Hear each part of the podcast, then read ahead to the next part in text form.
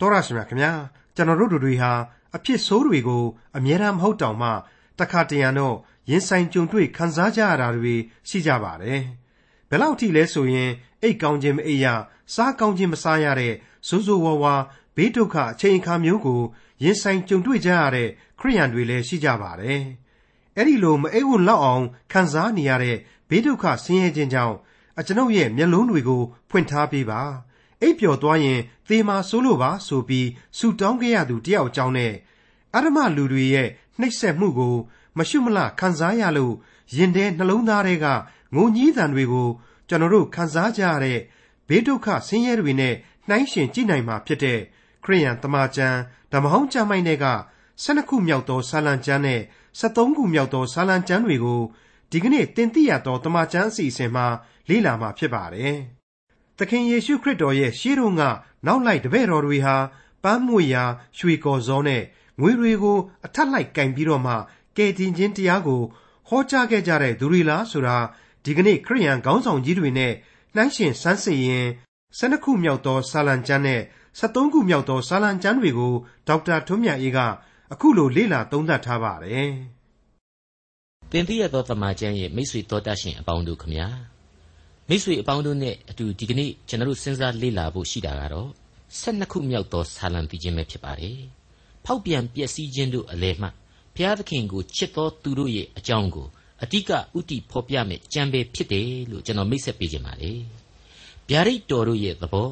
အနာဂတ်ကျမ်းတို့ရဲ့သဘောအမြင်နဲ့ကြည့်ရင်မကြခင်မှာစက်တိုက်ဆက်ပြီးတော့ကြားရမယ့်စကားတွေကိုအနီးကပ်ဖော်ပြထားတယ်လို့ကျွန်တော်ဆိုချင်ပါတယ်။ဒါပေမဲ့ ဒါရီကိုယ်တိုင်ဟာနောက်ဆုံးသောကပ်ကာလအတွင်းကဣသရေလလူမျိုးများနဲ့တကွာယုံကြည်သူများရဲ့အပေါ်မှာပါသက်ရောက်အောင်မဲ့အနာဂတ်ဗျာဒိတ်တွေအဖြစ်ကြိုတင်ပြီးတော့ဆာလံဆရာဟာရေးဖွဲ့ပေးလိုက်ခြင်းဖြစ်တယ်လို့ကျွန်တော်ဆိုချင်ပါတယ်။၁၂ခုမြောက်သောဆာလံအငယ်၁အိုးထာဝရဖျားသူတော်ကောင်းမျိုးသည် ပြတ်လူ၍တစ္ဆာရှိသော လူမျိုးသည် လူသားတို့တွင်ကွယ်ပြောက်ပါ၏ဒီအသံမျိုးကို ဒီလေမျိုးကိုနားနဲ့ဆက်ဆက်ကြားရအောင်လို့မကြခင်အချိန်မှထပ်မံကြွေးကြော်ခဲ့သူကြီးကတော့ပရောဖက်ကြီးအေလိယပဲဖြစ်ပါလိမ့်မယ်ဟုတ်ပါတယ်ဒါဝိမင်းကြီးရဲ့ခေတ်နောက်ပိုင်းမှာရှောလမုန်မင်းကြီးနန်းတက်လာတယ်ရှောလမုန်ခေတ်အကုန်မှာဣသရေလနိုင်ငံကြီးဟာနှစ်ချမ်းကွဲခဲ့ရတယ်တောင်ဘက်ယူဒာနဲ့မြောက်ဘက်ဣသရေလဆိုပြီးတော့နိုင်ငံတော်ကြီးပြိုကွဲပျက်စီးသွားရတယ်မင်းဆိုးမင်းညစ်တီနဲ့ကြီးပြည့်နေတဲ့မြောက်ဘက်ဣသရေလသမိုင်းကြောင်းမှာ မင်းဆိုးမင်းညစ်တပားဖြစ်တဲ့အာဟပ်ရဲ့လက်ထက်မှာပေါ်ထွန်းသူပရောဖက်ကြီးအေလိယရဲ့အကြောင်းတွေကိုပြန်ပြီးစဉ်းစားလိုက်ရင်အတိတ်ပဲတွေပေါ်ထွက်လာမှာပါအဲ့ဒီအေလိယပရောဖက်ကြီးဟာ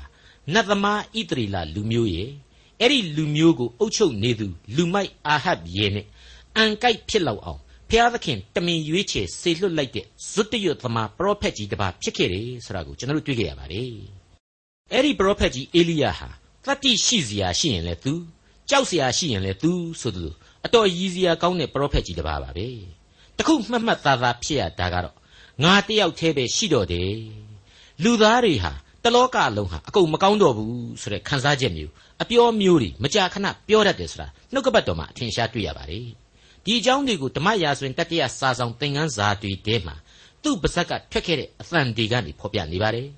ဓမ္မရာဇဝင်တတိယစာဆောင်အခန်းကြီး78အငယ်22မှာဆိုရင် ထာဝရဘုရားရဲ့ပရောဖက်ဆိုလို့ငါတယောက်တည်းပဲရှိတော့တယ်ဘာလနတ်ဘုရားဘက်ကပရောဖက်တွေကတော့450တောင်မှရှိနေပါကလားဆိုပြီးတော့ရေရွတ်ခဲ့ပါတယ်အဲ့ဒီတိုင်းမှာပဲအခန်းကြီး16ရဲ့အငယ်14မှာကျတော့ကျွန်တော်တယောက်တည်းပဲကြံရစ်ပါတယ်အဲ့ဒီလိုကြံရစ်ခဲ့တဲ့ကျွန်တော်ခမရကိုတောင်လိုက်သတ်နေကြပါပြီဖေဟာဆိုပြီးတော့လေညီးတွားခဲ့ပါသေးတယ်ဒါဟာအေလိယကြီးပဲမဟုတ်ပါဘူးယုံကြည်သူတို့ဟာပတ်ဝန်းကျင်မှာဖြစ်ချင်တိုင်းဖြစ်တာတွေကိုမြင်နေရတဲ့အချိန်မျိုးမှာ ဒီလိုပဲစိတ်အားရော့ကျသွားတတ်စမြစ်ဖြစ်တယ်လို့ကျွန်တော်ခံယူပါတယ်မိတ်ဆွေအပေါင်းတို့ခမညာတကယ်တော့အဲ့ဒီလိုမဟုတ်ပါဘူးဖျားသခင်တပါးလုံးရှိနေပါတယ်ဖျားသခင်ထုတ်ဖော်ပေးတဲ့အခါမှာကိုနဲ့အတူရက်တည်တဲ့အဆွေခင်မွန်းတွေအဖွဲ့အစည်းတွေဟာလေအများကြီးပေါ်ပေါက်လာနိုင်တယ်ဆိုတာကိုမေ့ထားလို့မရပါဘူးဖျားသခင်ဟာအစဉ်တစိုက်အမှန်တရားကိုကျေးဇူးပြုလိရှိပါတယ်ဆယ်နှစ်ခုမြောက်သောဆာလံအငယ်နှစ် အိမ်နီးချင်းတို့သည်တူးကိုတူးမှုသာသုံး၍ချော့မော်သောနှုတ်ခမ်းနှစ်ခွရှိသောစိတ်နှင့်ပြောတတ်ကြပါ၏မှုသားမပါလင်္ကာမချောတဲ့အဲ့ဒီလိုပြောယူရလောက်အောင်မှုသာဝါဒဟာခေတ်စားနေပါတယ်မှုသာကလေးပါမှလေလူနှလုံးသားကခံယူနိုင်တော့ဒီအတိုင်းပဲဖြစ်လာရတယ်ဆိုရင်လည်းမမှားပါဘူးပြီးတော့မှနှစ်ခွသောစိတ်တဲ့အဲ့ဒါဟာလေအလွန်ကြောက်စရာသဘောထားပါပဲဂုစာကလေးဂုစီရမင်းကျော်ဆိုတဲ့သဘောထားမျိုးပေါ့ မိษွေတို့အနေနဲ့ရှောလူဘရင်ကြီးအကြောင်းကိုလေ့လာခဲ့ရတော့ကအချက်တွေကိုမှတ်မိကြမယ်ထင်ပါတယ်နော်သူစိတ်ကောင်းဝင်နေတဲ့အချိန်ဆိုရင်လေဒါဝိတ်ကလေးကိုစောင့်တီးခိုင်းပြီးတော့ပြုံးနေလိုက်တာနှကမ်းမွေးကိုထောင်နေတာပဲဟောစက္ကန့်ပိုင်းအတွင်းနတ်ဆိုးလဲဝင်လာရောအဲ့ဒီနှကမ်းမွေးပဲဇက်ခနဲ့ချက်ချင်းကုတ်သွားပြီးတော့တကယ်နဘေးကလှန်တူကြီးဆွဲပြီးတော့လှန်ပစ်ပါလေရောမဟုတ်ဘူးလားဒါဝိတ်ကလည်းအဲ့ဒါကိုသိလို့စောင်းသွားတီးတာမျက်စိကအဲ့ရှောလူရဲ့နှကမ်းမွေးပဲကြည့်နေတာဆိုတော့အမြဲတမ်း ready ပဲ ဘယ်ရမလဲ तू ကလည်းဂေါလျလို့လူကိုတောင်ခံတိုက်လာတဲ့လူလေသူရဲကောင်းမဟုတ်ဘူးလားအဲ့တော့လှန်ပစ်အင်မတန်ဝါသနာပါတဲ့ရှောလူထိုးလိုက်တိုင်းတခါမှဒါဝိတ်ကိုထိတယ်မရှိဘူးဘယ်ဘက်ကလွဲလိုက်ညာဘက်ကလွဲလိုက်နေအမြဲလွဲတယ်အဲ့ဒါဟာရှောလူမင်းရဲ့နှစ်ခွသောစိတ်ရဲ့အကြောင်းတရုပ်တွေပါပဲအခု12ခုမြောက်သောဆာလံအငယ်3နဲ့5ကိုဆက်ပြီးတော့နားဆင်ကြည့်ကြပါကိုနှုတ်ခမ်းသည်ကိုအမှုကိုစောင့်လိမ့်မည် ငါတို့ဤသခင်ကအဘယ်သူနည်းဟုပြောဆိုသောသူတို့ဤချော့မော်သောနှုတ်ခမ်းနှင့်ဝါကြွားသောရှာရှိသမျှတို့ကိုထာဝရဘုရားသည်ဖြတ်တော်မူမည်ဆင်းရဲသောသူသည်ခံရသောညှင်းဆဲခြင်းငတ်မွတ်သောသူ၏ငိုကြွေးခြင်းကြောင့်ယခုငါထမည်ကဲ့ရဲ့ခြင်းကိုခံရသောသူအားချမ်းသာပေးမည်ဟုထာဝရဘုရားမိန့်တော်မူ၏ဝါကြွားမှုပလွှားမှုဒါတွေအကုန်လုံးအတူတူပါပဲအင်္ဂလိပ်ကတော့ pride လို့ခေါ်ပါတယ် အဲ့ဒီမာမာနတွေဟာအသင်းတော်နဲ့လူအဖွဲ့အစည်းကြီးတွေကြာဆုံးရကြာဆုံးကြောင်းကွဲရကွဲကြောင်းတွေဖြစ်စီတတ်တယ်ဆိုတာလက်တွေ့သာရကပြစရာတွေအများကြီးရှိနေပါတယ်ရှင်ယုဒကနေပြီးတော့သူ့ရဲ့ဩဝါဒစာအငယ်16ကနေ18အတွင်းမှာအခုလိုဆိုဖွဲ့ထားတာရှိပါတယ်ထိုသူတို့သည်မြည်တမ်း၍အပြစ်တင်တတ်သောသူကိုယ်တက်မဲ့ခြင်းအတိုင်းကျင့်တတ်သောသူထောင်လွှားသောစကားကိုပြောတတ်သောသူကိုယ်အကျိုးစီးပွားကြောင့်သူ့မျက်နှာကိုထောက်ထားခံရတတ်သောသူဖြစ်ကြ၏ချစ်သူတို့ နောက်ဆုံးသောကာလ၌မိမိတို့မတရားသောတတ်မဲ့ခြင်းအတိုင်းကျင့်နေ၍ပြည့်ရဲ့ပြုရသောသူတို့သည်ပေါ်ကြလိမ့်မည်ဟုငါတို့သခင်ယေရှုခရစ်၏တမန်တော်တို့သည်ဟောပြောနှင့်သောစကားများကိုအောက်မေ့ကြလောဆိုပြီးတော့တွေ့မြင်ရပါတယ်။တနည်းဆိုရရင်တော့ယုံကြည်ခြင်းတရားလွဲမှားခြင်းတို့၏အစလူသားတို့၏မာမာနာလို့ဆိုရင်ကျွန်တော်တို့ကောင်းကောင်းကြီးရနိုင်ပါလိမ့်မယ်။အဲ့ဒီလိုမာမာနာသမားတွေနဲ့ဆန့်ကျင်ဘက်ပြရုပ်ကိုလေဆာလန်ဆရာဟာဆက်လက်ညွှန်ပြလိုက်ပါတယ်။ ဆင်းရဲသောသူခံရသောညှင်းဆဲခြင်းငတ်မွတ်သောသူတို့၏ငိုကြွေးခြင်းများတွေကြောင့်ငါထမယ်။ကဲ့ရဲ့ခြင်းခံရသောသူတွေအတွက်ချမ်းသာပေးမယ်တဲ့ပြီးခဲ့တဲ့သင်ခန်းစာတွေကလေးကဖော်ပြခဲ့တဲ့အချက်တွေဟာတပတ်ပြန်ပြီးလေလာခြင်းပါပဲအထူးသဖြင့်ပြီးခဲ့တဲ့ဆာလံ30မှာဏိဂုံးပိုင်းသင်ခန်းစာတွေအရာကျွန်တော်တို့သိခဲ့ရပြီးပြီလေနှိမ့်ချလျက်ရှိသောသူတို့ဤတောင့်တခြင်းအသံကိုကြားတော်မူ၏ သူတို့ဤစိတ်နှလုံးကိုတည်ကြည်စေတော်မူ၏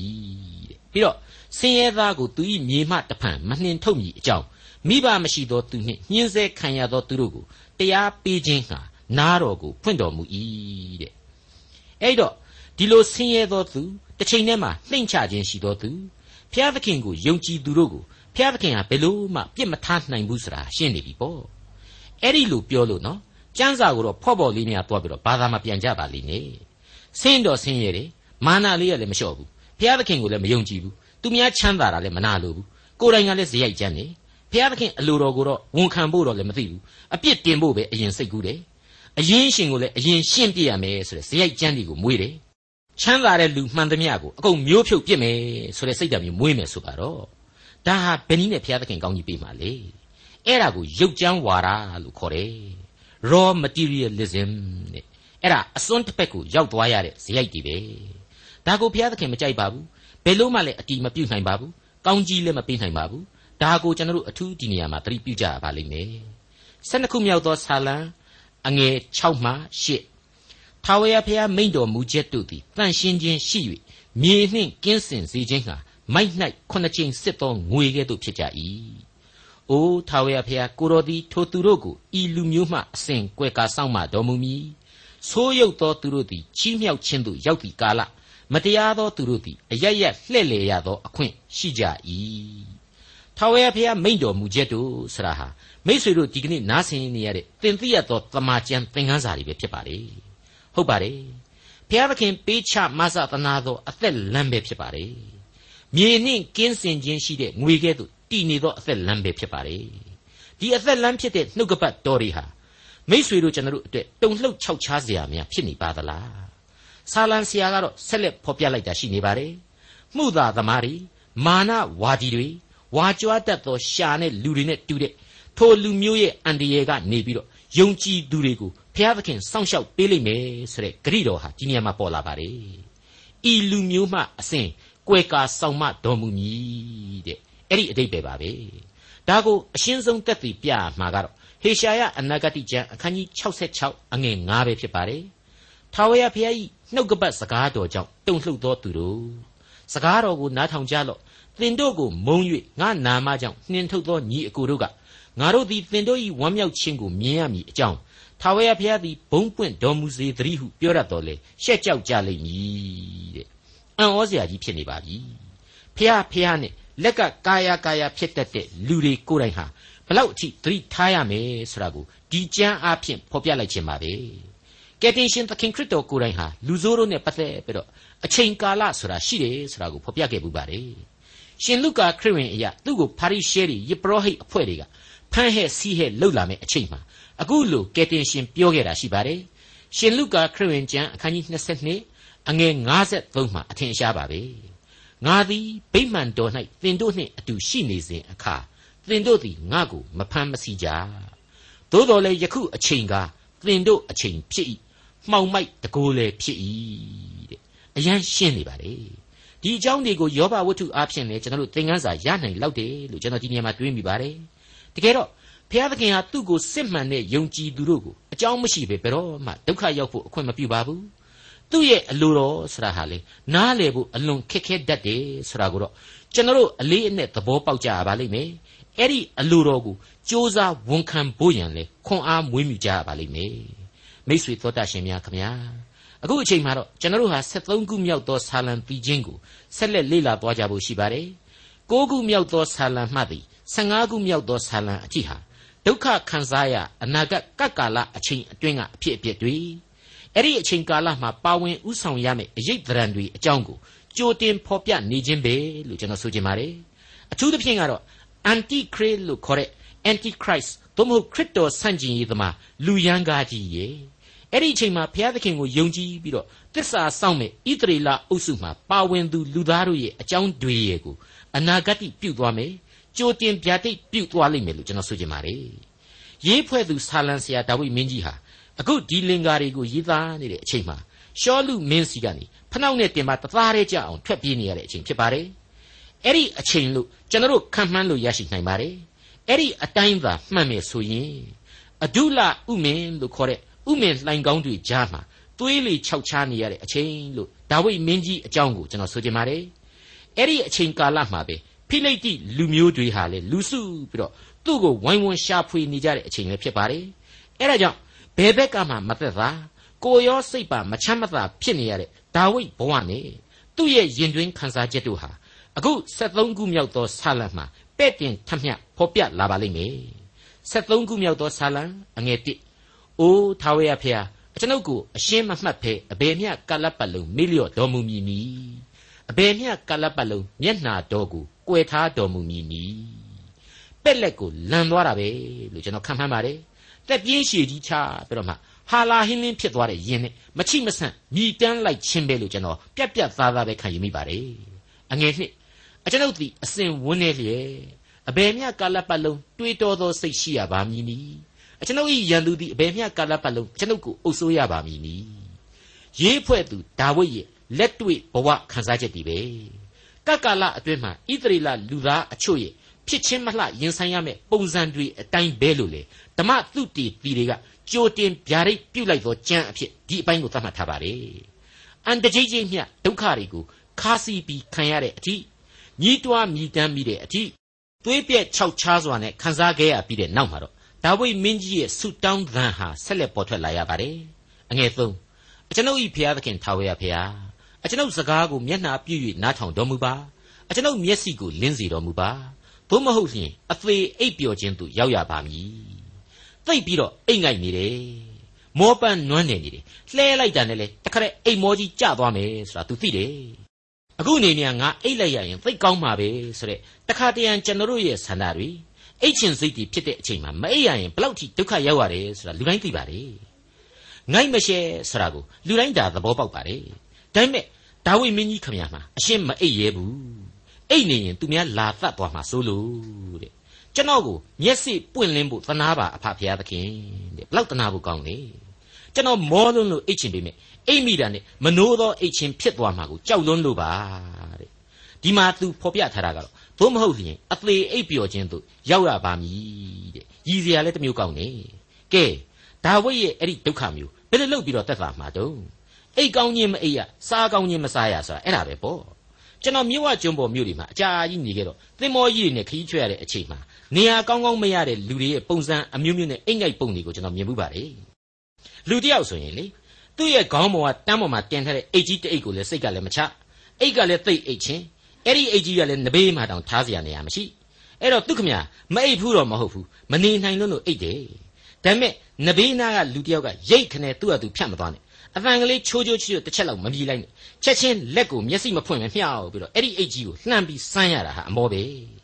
အဲ့ဒါနဲ့ပဲသူခမရမှာမိုးသာလင်းရောအိတ်ရဲ့တန်လန်စက်တက်ထားတာကြာနေတာပဲ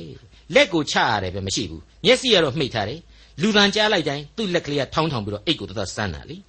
ရည်စရာအလွန်ကောင်းတဲ့မြင်ကွင်းပါပဲသူများအကြောင်းသွားပြောတော့ကို့အဖြစ်လဲခြံထားလို့မဖြစ်တော့ပြောရပါဦးမယ်ကျွန်တော်ကိုယ်တိုင်လဲကြုံဘူးတာရှိပါတယ်တောမြို့ကလေးတစ်မြို့ကနေရန်ကုန်ကိုပြန်တာကားကလည်းအဟောင်းကြီးကားကြီးပေါ်မှာလဲကြက်ချင်းတွေငါးတောင်းတွေတင်တဲ့ကုန်ကားကြီးမျိုးဆိုတော့အဆုတ်ကြီးပေါ့အဲ့ဒီကြားထဲမှာလမ်းကလည်းကြမ်းအဲ့ဒီလမ်းကြမ်းပေါ်မှာကားကြမ်းကြီးစီးပြီးကျွန်တော်ခင်ဗျာမှာ အိတ်ငိုက်လိုက်တာကလည်းအယမ်းပဲ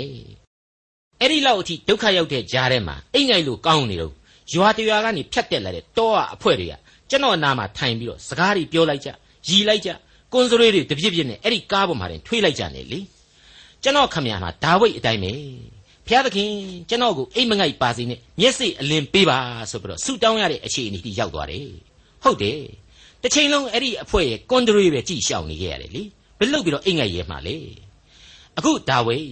ကွန်ဒရေးရှောင်ရတာတဲ့ပို့ပြီးတော့အရေးကြီးတယ်သူများသူ့ကိုလာသတ်မှာစိုးလို့တဲ့ဖမ်းမှာစီးမှာကိုကြောက်ရလို့တဲ့ကျေးဇူးပြုပြီးအိမ်မငိုက်ပြရစီနဲ့မျက်စိအလင်းကလေးပေးတော်မူပါ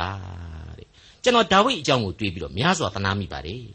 73ခုမြောက်သောဆာလံအငယ်လေးအကျွန်ုပ်၏ရန်သူကငါနိုင်ပြီဟုဆို၍အကျွန်ုပ်ကိုနှောက်ယှက်သောသူတို့သည်အကျွန်ုပ်လှုပ်ရှားသည်ကိုဝမ်းမြောက်ကြပါလိမ့်မည်ဒါဝိဒ်ကိုအနိုင်ရယူခြင်းဟာဘု ရားသခင်ကိုဆန့်ကျင်သူတွေအဖို့ဆိုရင်ဒါဝိဒ်ကိုးကွယ်တဲ့အသက်ရှင်တော်မူသောဘုရားသခင်ကိုတောင်မှမထီမဲ့မြင်ပြုတ်လောက်အောင်အားတက်သွားကြလိမ့်မယ်မာနတက်သွားကြလိမ့်မယ်။ဘာဖြစ်လို့လဲဆိုရင်ဒါဝိဒ်ဟာဘုရားသခင်ကိုအကျွင့်မဲ့ဆက်ကပ်အနှံထားတဲ့လူလေ။ဒါကြောင့်မလို့ဒါဝိဒ်ဟာကိုယ်ကာယအားကိုမဖြစ်မနေစိုက်ထုတ်ကြိုးစားခဲ့ရှာတယ်။ပြီးတော့မှဘုရားသခင်စီမှာလည်းမြဲမြံစွာကိုကိုကိုဆက်ကပ်အနှံခဲ့ရှာပါတယ်။ဆုတောင်းခဲ့ရှာပါတယ်။အကျွန်ုပ်လှုပ်ရှားတာကိုဝမ်းမြောက်တယ်ဆိုတာဟာအင်္ဂလိပ်မှာကတော့ when i am moved ဆိုပြီးတော့သုံးပါတယ်ကျွန်တော်များဒုက္ခရောက်ပြီဆိုရင်ဆိုတဲ့သဘောပါပဲ73ခုမြောက်သောဆာလံအငယ်9အကျွန်ုပ်သည်ဂယုနာတော်ကိုယုံကြည်ပါ၏ကဲတင်တော်မူခြင်းအရာ၌နှလုံးရွှင်လန်းပါလိမ့်မည်အလွန်ကောင်းမွန်တဲ့ဝကြဖွဲ့စည်းမှုလို့ကျွန်တော်ခံယူပါတယ်သူ့ရဲ့မူရင်းဟေပြဲစာမှုအတိုင်းဆိုရင်အလွန်ကောင်းမွန်လှပတဲ့ကြပြားလင်္ကာတပုတ်ဖြစ်လိမ့်မယ်လို့လေကျွန်တော်တွေးမိပါတယ်ကျွန်တော်အဲ့ဒီမူရင်းဂျူးဆာလံကိုမကြားဘူးပါဘူး ဒါပေမဲ့သိနားထောင်ကောင်းပါပဲလို့တော့ကျွန်တော်စိတ်ကူးထဲမှာဒါဝိမင်းကြီးရဲ့နုနယ်သိမ်မွေ့မှုကိုချီးမွမ်းထောမနာပြုမိပါတယ်ကျွန်တော်မကြာခဏပြောဘူးခဲ့တဲ့အတိုင်းပဲ love peace and joy လို့ခေါ်တဲ့ချစ်ချင်းမေတ္တာငြိမ်သက်ခြင်းနဲ့ဝမ်းမြောက်ခြင်းတို့ကိုဂုံပြုထားတဲ့ LPG တေးဂီတအဖွဲ့ဆိုရင်သူတို့သုံးဆွဲတဲ့အမည်နာမမှာကိုကအသက်သိပ်ဝင်တယ်လို့ကျွန်တော်ခံယူမိပါတယ် LPG မဟုတ်ပါဘူး LPG ပါပသိမ်မျိုးကိုကျွန်တော်တခါရောက်ခဲ့တုန်းက စကောကရင်အသင်းတော်ကြီးကသန်ဆောင်တီးဝိုင်းအကြောင်းကိုကြားခဲ့ရပါတယ်။ပီယန်နိုကောတယောတွေရောအလွန်မြိုင်ဆိုင်တယ်လို့ဆိုပါတယ်။သင်းအုပ်ဆရာကြီးရဲ့အိမ်မှာကိုပဲသားသမီးတွေဟာအမှုပညာကိုအလွန်ကျွမ်းကျင်ကြတယ်။သားကြီးဟာကျွန်တော်တို့ဧည့်သည်တွေကိုဓမ္မတီချင်းတွေရဲ့အလွန်ထင်ရှားတဲ့ဂန္ဓဝင်အချစ်ဘွဲ့တွေရဲ့ကိုတိခတ်ပြီးတော့အခခံခဲ့တာကိုလေနားနဲ့ဆက်ဆက်ကျွန်တော်ကြားခဲ့ရပါသေးတယ်။အဲ့ဒီလိုပါပဲကျွန်တော်ငယ်ငယ်တုန်းကဆိုရင်ကြည်မနိုင်အသင်းတော်ကစီဝေးကြီးတစ်ခုမှာ ကရင်အသင်းတော်အဖွဲ့အစည်းကြီးကနေပြီးတော့လာရောက်အခန့်ဖျော်ပြပေးခဲ့တာကိုလေဒီနေ့တည်းထိကျွန်တော်နားထဲမှာစွဲနေပါတယ်သူတို့အဖွဲ့ကတော့ထိုချီပေါ်လို့ကျွန်တော်ထင်ပါတယ်ငှက်ကလေးဆိုပြီးတော့နာမည်ပေးထားတဲ့အဖွဲ့ပေါ့အဲ့ဒီအဖွဲ့ကတရောတန်စုံတွေဟာကျွန်တော်နားထဲမှာဒီကနေ့တည်းမထွက်နိုင်လောက်အောင်ဆွဲဆွဲညှိညှိဖြစ်ပြီးတော့ကြံခဲ့တယ်ဆိုတာကိုကျွန်တော်ဒီညမှာဝန်ခံနေပါတယ်မိတ်ဆွေအပေါင်းတို့အခုကြားနေရတဲ့ဆာလံပီချင်းတို့ဟာဆာလံဆရာရဲ့ဘဝအတွေ့အကြုံတွေကနေပေါ်ထွက်တဲ့လင်္ကာရသတွေဖြစ်တယ် တစ်ချိန်တည်းမှာအဲ့ဒီရသတွေအားဖြင့်ဘသူမှဘယ်အချိန်မှရောက်လာမယ်ဆိုတာအတိအကျမသိနိုင်နဲ့ကတ်ကာလကုံဆုံးခြင်းဒုက္ခဆင်းရဲခြင်းတို့နဲ့ရင်ဆိုင်ရမယ် tribulation period လို့ခေါ်တဲ့ကြောက်မဲ့ဖွယ်ကောင်းလာသောအချိန်မှာလူသားတို့ဘယ်လိုဘယ်လိုဖြစ်ကြမယ်ဆိုတာကိုသိစေတယ်။အန်တီခရစ်လို့ခေါ်တဲ့စာရန်လူသားကြီးဟာဘယ်လိုလောကကဘာကြီးကိုမှွေနှောက်မှားကိုကြိုတင်နမိတ်ပြုဖော်ပြနေတယ်။အဲ့ဒီအချိန်မှာတည်ရှိနေတဲ့ဂျူးဣသရေလတွေတဲက ဖျားသခင်ကိုတစ္ဆာရှိသူလူသားတို့ဘယ်လိုဒုက္ခဆင်းရဲခြင်းတွေနဲ့တွေ့ရမယ်ဆိုတာတွေကိုလေအနာဂတ်များအဖြစ်ဖော်ပြနေတယ်ဆိုတာကိုဓမ္မသဘောအရာကျွန်တော်ခံယူနိုင်ပါကြောင်းကိုဒီနေရာမှာထည့်သွင်းဖော်ပြထားပါရစေအခုအချိန်မှာတော့ဒါဝိမင်းကြီးအနေနဲ့သူ့ရဲ့ဘဝလမ်းခရီးကဘေးအန္တရာယ်တွေကိုမလွတ်သာအောင်ခံစားနေရင်းနဲ့တစ်ဖက်ကလည်းဘုရားသခင်ကိုအားကိုးခိုလုံပြီးတော့အသက်တာကိုရှောက်သွားနေတယ်ဆိုတာကိုကျွန်တော်ကြားနာရပါပြီ ဒါဟာသူ့အဖို့အဓိကဖြစ်တယ်လို့လောကရန်လူသားများအားလုံးတို့အဖို့လေအဓိကတော့ကျက်ကြသောလိုအပ်ချက်ပါ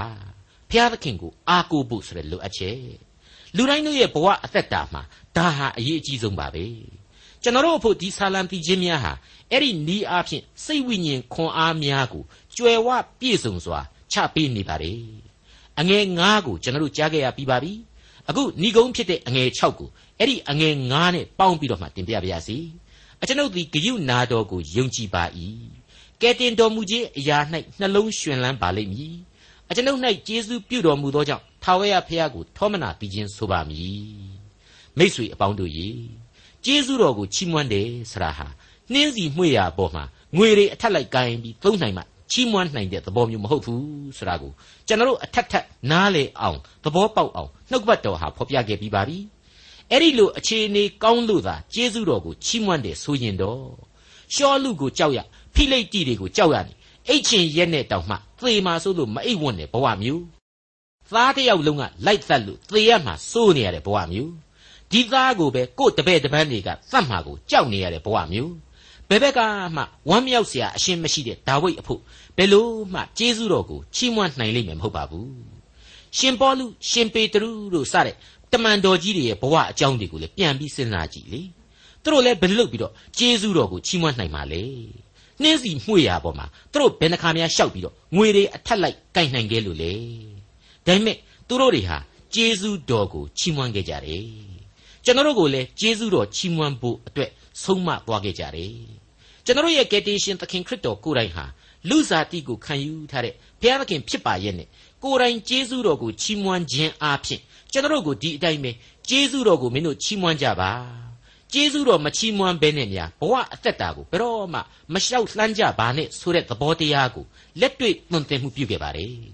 ဒါကိုရှင်မသက်ခရစ်ဝင်ကျမ်းအခန်းကြီး15အငယ်32မှ39အတွင်းကဖြစ်ရကလေးနဲ့ရှင်တွဲစဉ်းစားတိုက်လာပါတယ်ထိုအခါယေရှုသည်တပည့်တော်တို့ကိုခေါ်၍ဤလူများကိုငါသနာ၏ သုံးရက်ပတ်လုံးငါနှင့်အတူရှိကြပြီစားเสียအရှင်းမရှိလမ်းခရီး၌မောမီကိုစိုးရိမ်သောကြောင့်အစာမစားမီသူတို့ကိုလွှတ်ခြင်းငှာငါအလိုမရှိဟုမိန့်တော်မူလျင်တပည့်တော်တို့ကဤမျှလောက်များသောလူစုတို့သည်ဝါစွာစားသောက်လောက်သောအစာကိုဤတော်အရ၌အကျွန်ုပ်တို့သည်အဘယ်သို့ရနိုင်ပါမည်နည်းဟုလျှောက်ကြသောယေရှုကသင်တို့တွင်မုံဘယ်နှလုံးရှိသနည်းဟုမေးတော်မူလျင်မုံခုနှလုံးနှင့်အနည်းငယ်မျှသောငါးကောင်ကလေးရှိပါသည်ဟုပြန်လျှောက်ကြ၏ ထိုအခါလူအစုအဝေးတို့ကိုမြေပေါ်မှလျှောင်းကြစေဟုမိန့်တော်မူ၏မုံခုနှလုံးနှင့်ငါးတို့ကိုလည်းယူ၍ကျေးဇူးတော်ကိုချီးမွမ်းပြီးမှမုံနှင့်ငါးကိုဖဲ့၍တပည့်တော်တို့အားပေးတော်မူ၏တပည့်တော်တို့သည်လည်းလူအပေါင်းတို့အားပေးကြ၏လူအပေါင်းတို့သည်စား၍ဝကြပြီးမှကျွင်းရစ်သောအကျိုးအပဲ့ကိုကောက်သိမ်း၍ခုနှစ်တောင်းအပြည့်ရကြ၏စားသောသူအရေးအတွက်ကမိန်းမနှင့်သူငယ်ကိုမဆိုဘဲယောက်ျား၄တောင်ရှိသည် ထိုလူများတို့ကိုလွတ်တော်မူပြီးမှလှေစည်း၍မာဂရာလကျေးလက်သို့ရောက်တော်မူ၏လူပေါင်းများစွာရှေ့မှာအလွန်ကောင်းတဲ့အဆုံးအမကြီးတစ်ခုကိုကယ်တင်ရှင်သခင်ခရစ်တော်ဟာလက်တွေ့သရုပ်ဖော်ပြခဲ့တာပဲလို့ကျွန်တော်ဆိုချင်ပါတယ်တမန်တော်ကြီးရှင်ပေါလုဆုံးမခဲ့တာလည်းရှိပါသေးတယ်အဘယ်အမှုကိုမျှစိုးရိမ်ခြင်းမရှိဘဲအရာရာ၌ကျေးဇူးတော်ကိုချီးမွမ်းခြင်းနှင့်တကွဆုတောင်းပတနာပြုသောအဖြစ်သင်တို့တောင်းပန်လိုသောအရာများတို့ကို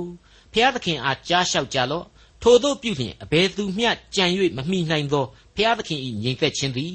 ယေရှုခရစ်အားဖြင့်သင်တို့စိတ်နှလုံးကိုစောင့်မလိမ့်မည်တဲ့ဥနောအသင်းတော်မှာဆိုရင်ဥပုံနေတိုင်းဆရာတော်ရဲ့ဆုတောင်းကန်ဤအချိန်မှာပရိသတ်နဲ့အတူကြားရနေကြအသံဖြစ်ပါတယ်အကျွန်ုပ်ဒီဂယုနာတော်ကိုယုံကြည်ပါ၏ကဲတင်တော်မူခြင်းအရာ၌နှလုံးရှင်လန်းပါလိမ့်မည်အကျွန်ုပ်၌ကျေးဇူးပြုတော်မူသောကြောင့် ထာဝရဘုရားကို ထောမနာပြီးခြင်းဆိုပါမည်ဟာလေလုယာဒေါက်တာထွန်းမြတ်ရေးစီစဉ်တင်ဆက်တဲ့တင်ပြရသောတမချန်းအစီအစဉ်ဖြစ်ပါတယ်နောက်တစ်ချိန်အစီအစဉ်မှာခရိယန်တမချန်းဓမ္မဟောင်းကျမ်းပိုင်းထဲမှာပါရှိတဲ့14ခုမြောက်သောဆာလံကျမ်းနဲ့15ခုမြောက်သောဆာလံကျမ်းတွေကိုလေ့လာမှဖြစ်တဲ့အတွက်စောင့်မျှော်နားဆင်နိုင်ပါတယ်။